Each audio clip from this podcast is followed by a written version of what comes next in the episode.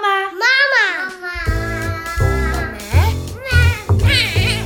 Mama. Welkom in de podcast van Mama Baas. Ik ben Tine de Donder en ik ben de gastvrouw van deze podcast. Wat mag je hier allemaal verwachten? Dat is vooral een antwoord op de vraag: hoe doen andere mama's dat toch? Volgens onze vaste formule maken wij een podcast vol echte verhalen van echte mama's. En die vullen we dan aan met oplossingen, tips en hulp van specialisten. En zo hopen we jou herkenbare verhalen te brengen. Verhalen waaruit jij misschien troost of steun kan halen, zodat je weet dat je niet alleen bent en dat het bij andere mama's toch ook niet altijd zo gemakkelijk gaat. Geniet ervan.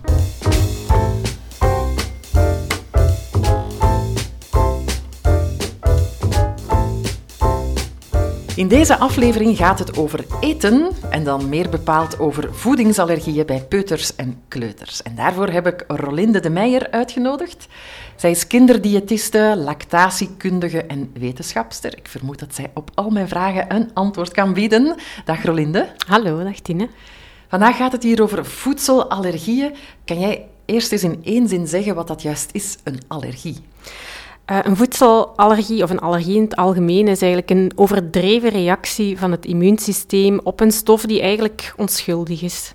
Mm -hmm. En dat is iets anders dan een uh, intolerantie? Ja, een intolerantie is een overgevoeligheid aan bijvoorbeeld voeding, uh, maar waar het immuunsysteem niks mee te maken heeft. Dus bijvoorbeeld dat er een tekort is aan een, aan een enzyme, waardoor dat bijvoorbeeld lactose niet goed kan afgebroken worden. Ja, en wat is dan het ergste, een allergie of een intolerantie? Een allergie kan wel gevaarlijker zijn dan een intolerantie. Het is natuurlijk allebei heel vervelend, hè? Ja. maar uh, een allergie is in sommige gevallen levensbedreigend, terwijl dat bij een intolerantie niet het geval is. Oké, okay, dat is bij deze uitgeklaard. Nu, Rolinde, hoe herken je eigenlijk zo'n uh, allergische reactie op voedsel? Ja, er zijn heel veel vormen waarin dat kan verschijnen, dus dat maakt het soms ook moeilijk om te herkennen. Nu, heel duidelijk is als een kindje bijvoorbeeld netelroos krijgt, dat is een, een huiduitslag over heel het lichaam.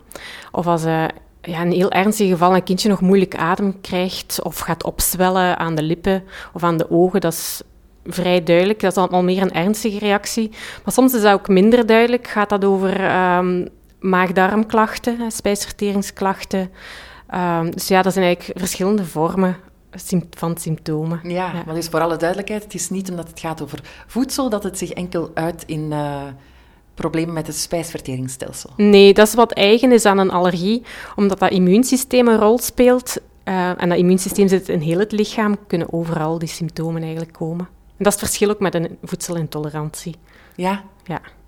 En welke zijn zo de meest uh, voorkomende voedselallergieën?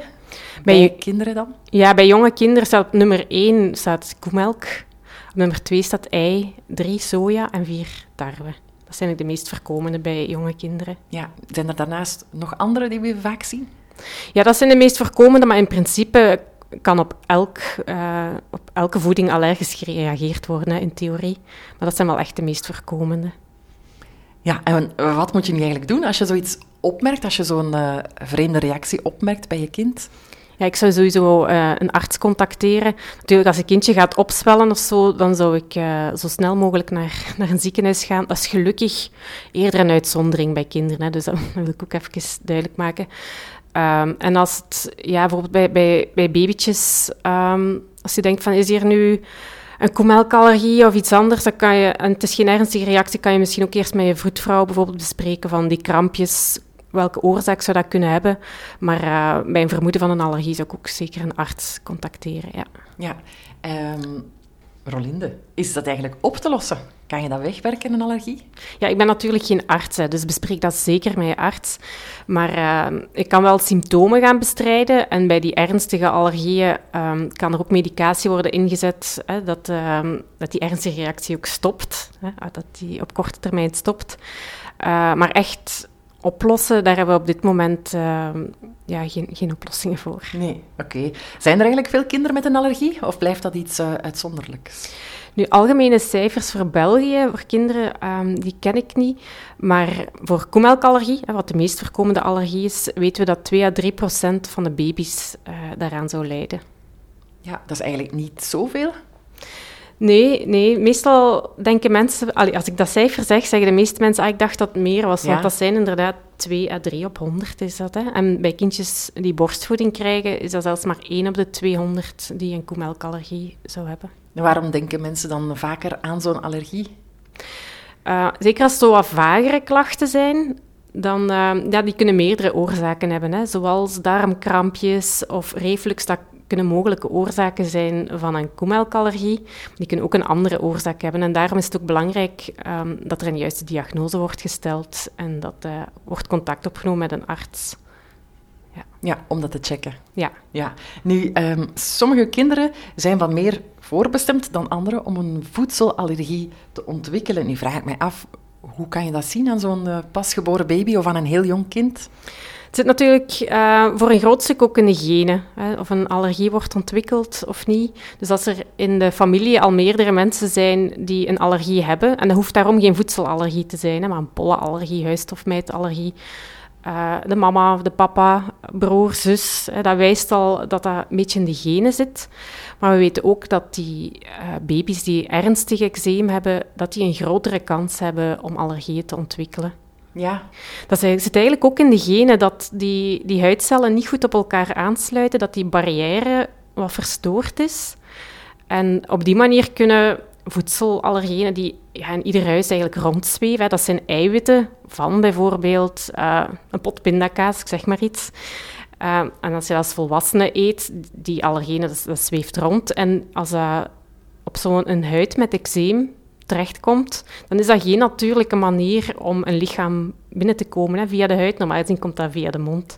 Dus op die manier um, ja, heeft eczeem is dat eigenlijk een risicofactor, ernstig eczeem, Ja. voor het ontwikkelen van een voedselallergie. Dus bij baby's met ernstige eczeem moet, moet er al een alarmlichtje gaan branden? Ja, en ook naar de arts gaan om dat eczeem ook goed te behandelen. Hè. Daar zijn uh, smeertherapieën voor en dat is ook belangrijk van dat op te volgen. Ja. Nu, klopt het dat kinderen vaker voedselallergieën hebben dan volwassenen? Ja, als Ja. we kijken naar de percentages, zien we inderdaad dat er meer kinderen zijn met een voedselallergie dan volwassenen.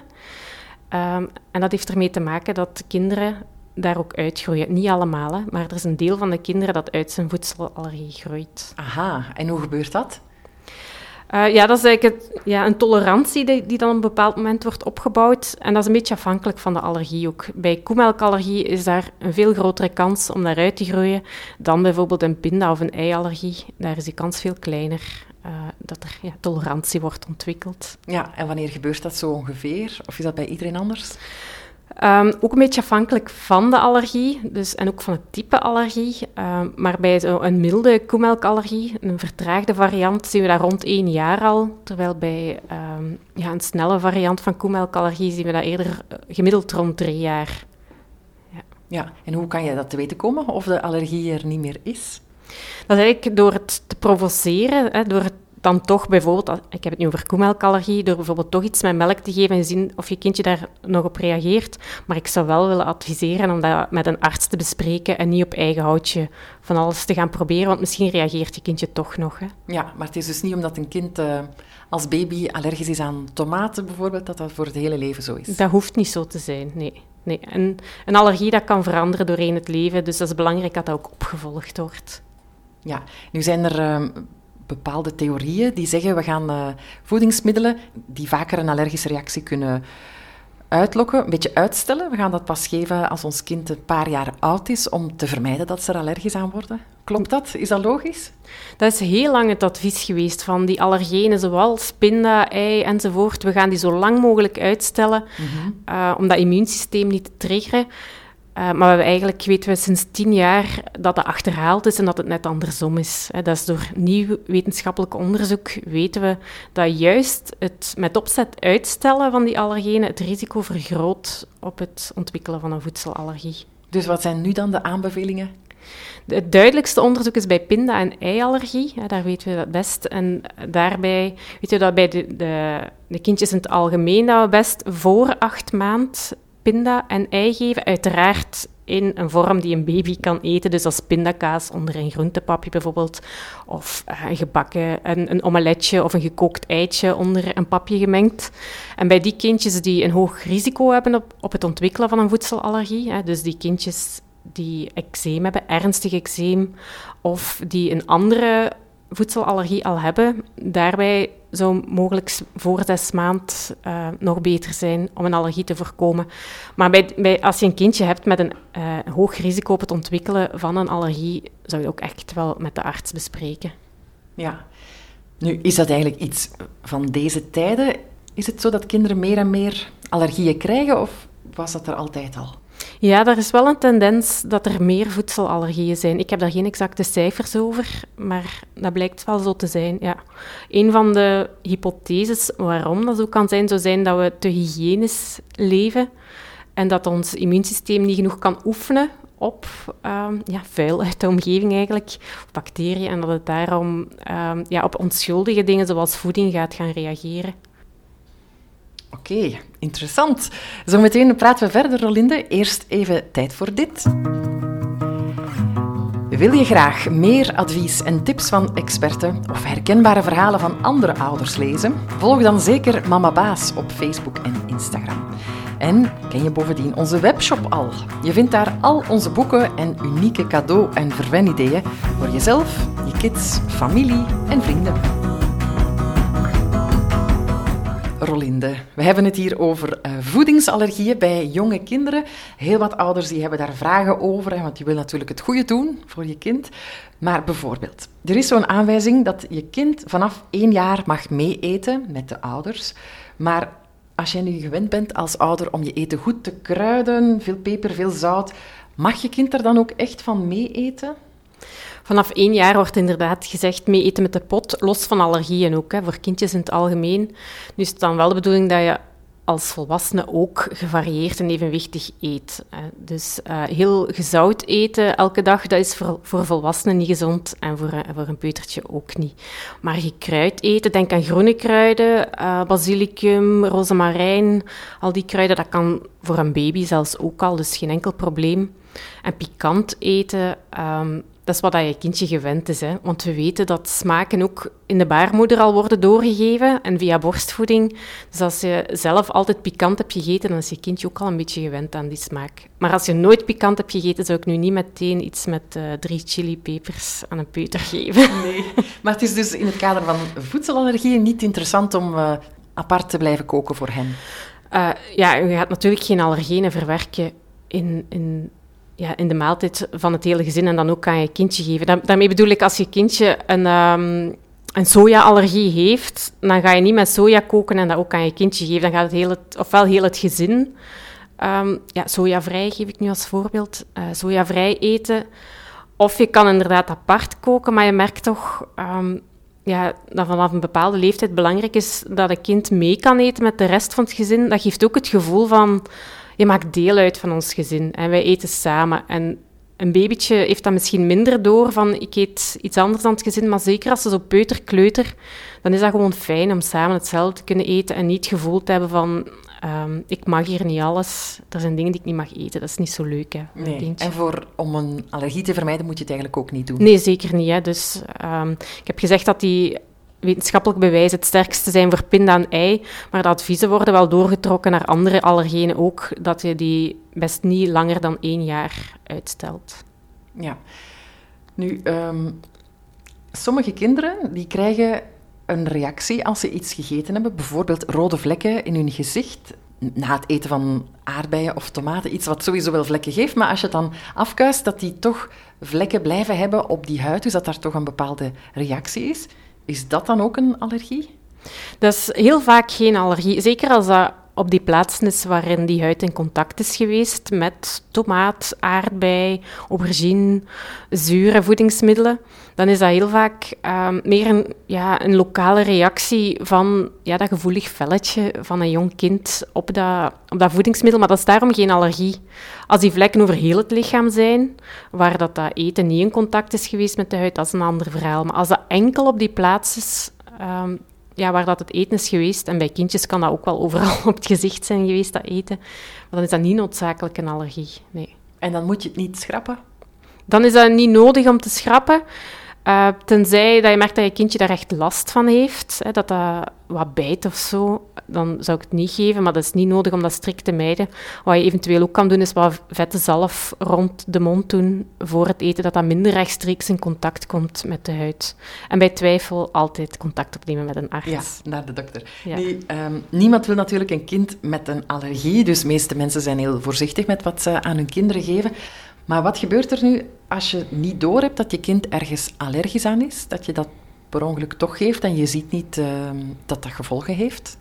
Ja, als je kindje nergens last van heeft, ja, dan is waarschijnlijk ook geen sprake van een allergie. Maar stel dat je kindje zo wat vage klachten heeft en je hebt niet door dat dat een allergie is, dan kan dat misschien wel uh, wat tijdelijke schade geven, bijvoorbeeld in de darmen. dat je kindje krampen heeft en je hebt niet door dat dat komt van iets van te eten, um, ja, dan kan het tijdelijk schade geven. Maar als je kindje ergens last van heeft, dan, ja, dan lijkt het mij ook wel belangrijk om dat met een arts te bespreken. Van wat kan hier de oorzaak van zijn? En dan gaat de arts misschien wel de clue vinden dat het over uh, een voedselallergie kan gaan. Ja, en kunnen artsen dat eigenlijk altijd vaststellen? Zijn er uh, bepaalde symptomen die altijd aan een uh, allergie vasthangen? Het moeilijke is dat dat niet altijd dezelfde symptomen zijn. Um, en een bloedtest kan gebeuren, maar niet elke allergie kan vastgesteld worden in het bloed. Uh, dus die bloedtest die kan vals positief zijn, wat wil zeggen dat er antistoffen worden teruggevonden tegen voeding terwijl er geen allergie is. Maar het kan ook vals negatief zijn, dat er niks wordt gevonden in het bloed terwijl het wel om een allergie gaat. Dus zo'n bloedtest, dat is niet zwart-wit en dat zegt niet alles. Dat moet passen in een heel verhaal. Ja, en bij melk bijvoorbeeld, hoe kan je het daar dan vaststellen? Ja, koemelkallergie is zo, is zo eentje waarbij dat er uh, de helft van de koemelkallergieën zou niet in het bloed teruggevonden worden. Dus als we alleen maar naar dat bloed zouden kijken, dan gaan we de helft van de koemelkallergieën missen. Dat is natuurlijk heel vervelend. Mm -hmm. En hoe uh, dan wel? Hoe het dan wel kan, is door uh, koemelk eerst strikt te gaan mijden, hè, twee à vier weken. En dan zouden de klachten moeten verdwijnen. Maar ook heel belangrijk is die tweede stap, en die wordt niet altijd gedaan, is van dan, dan terug koemelk te introduceren. En dan zouden de klachten terug moeten komen als het effectief om een koemelkallergie gaat. Als die klachten niet terugkomen, dan zou het kunnen dat toeval was dat het juist beter ging toen uh, de koemelk geschrapt werd. Dus die provocatie, dat opnieuw introduceren, is ook wel belangrijk. Nu, als er mogelijk een ernstige reactie is, zou je dat ook zeker niet op eigen houtje doen. Uh, maar met de arts bespreken. Naar de dokter, ja. ja. Nu, Rolinde, je hebt uh, een boek geschreven ook. Het ligt hier uh, bij ons, vers van de pers. Blij, koemelkvrij, zo heet het. Ja. Vol antwoorden op vragen over een koemelkvrij leven voor je kind? ja, het gaat over um, wat is dat, een koemelkallergie? Hoe kan die diagnose gesteld worden? Hoe ga je daar dan mee om, zowel bij borstvoeding als kunstvoeding, bij baby's en bij peuters? En ook heel praktisch, hè? wat als ik uit ga eten, wat als er een feestje is en kan mijn kind daar uitgroeien? Daar uh, staan allemaal tips over in het boek. Ja. Zijn er dan zoveel vragen over? Ja, toch wel. En ook, er leven ook zoveel misverstanden. En dat was voor mij echt de motivatie om dat boek te schrijven, om uh, wetenschappelijk onderbouwd en praktisch een boek te hebben over koemelkallergie bij jonge kinderen. En wat is zo het grootste misverstand? Ik denk de verwarring tussen een koemelkallergie en een lactoseintolerantie, dat dat echt niet hetzelfde is. En niet alleen uh, theoretisch gezien, maar ook praktisch. Hè. Welke producten ga je dan wel eten? Als je lactosevrij eet, koop lactosevrije melk. Dat is geen oplossing bij een koemelkallergie, omdat die koemelk-eiwitten wel nog in, in lactosevrije melk bijvoorbeeld zitten. Ja, ja het is een uh, ingewikkeld verhaal. Ja, als ik het zo allemaal achter elkaar zeg, inderdaad. Maar uh, als je ook vermoeden hebt van een allergie of hebt wat geruststelling nodig, neem contact op uh, met je arts, met een zorgverlener. En, en, dat komt wel goed. En weet ook, je hoeft dat echt niet alleen allemaal uit te zoeken. Er zijn mensen die kunnen helpen. Ja, en er is iets aan te doen. Ja, en er is iets aan te doen. Oké, okay. hartelijk dank voor je komst naar de podcast Rolinde de Meijer. Heel graag gedaan. Je luisterde naar de podcast van Mama Baas. Interviews en montage waren in handen van mezelf, Tine de Donder. Ben je benieuwd naar de volgende aflevering of wil je niks van deze podcast missen? Surf dan zeker naar mamabaas.be. Of nog beter, abonneer je nu meteen op deze podcast. Dat kan je helemaal gratis doen via Spotify of via een andere podcast-app. Vond je het een fijne podcast? Vertel het dan zeker door aan andere mama's en geef ons alsjeblieft een goede review, want dat zorgt ervoor dat nog meer mensen deze podcast kunnen terugvinden. Heel graag tot de volgende keer.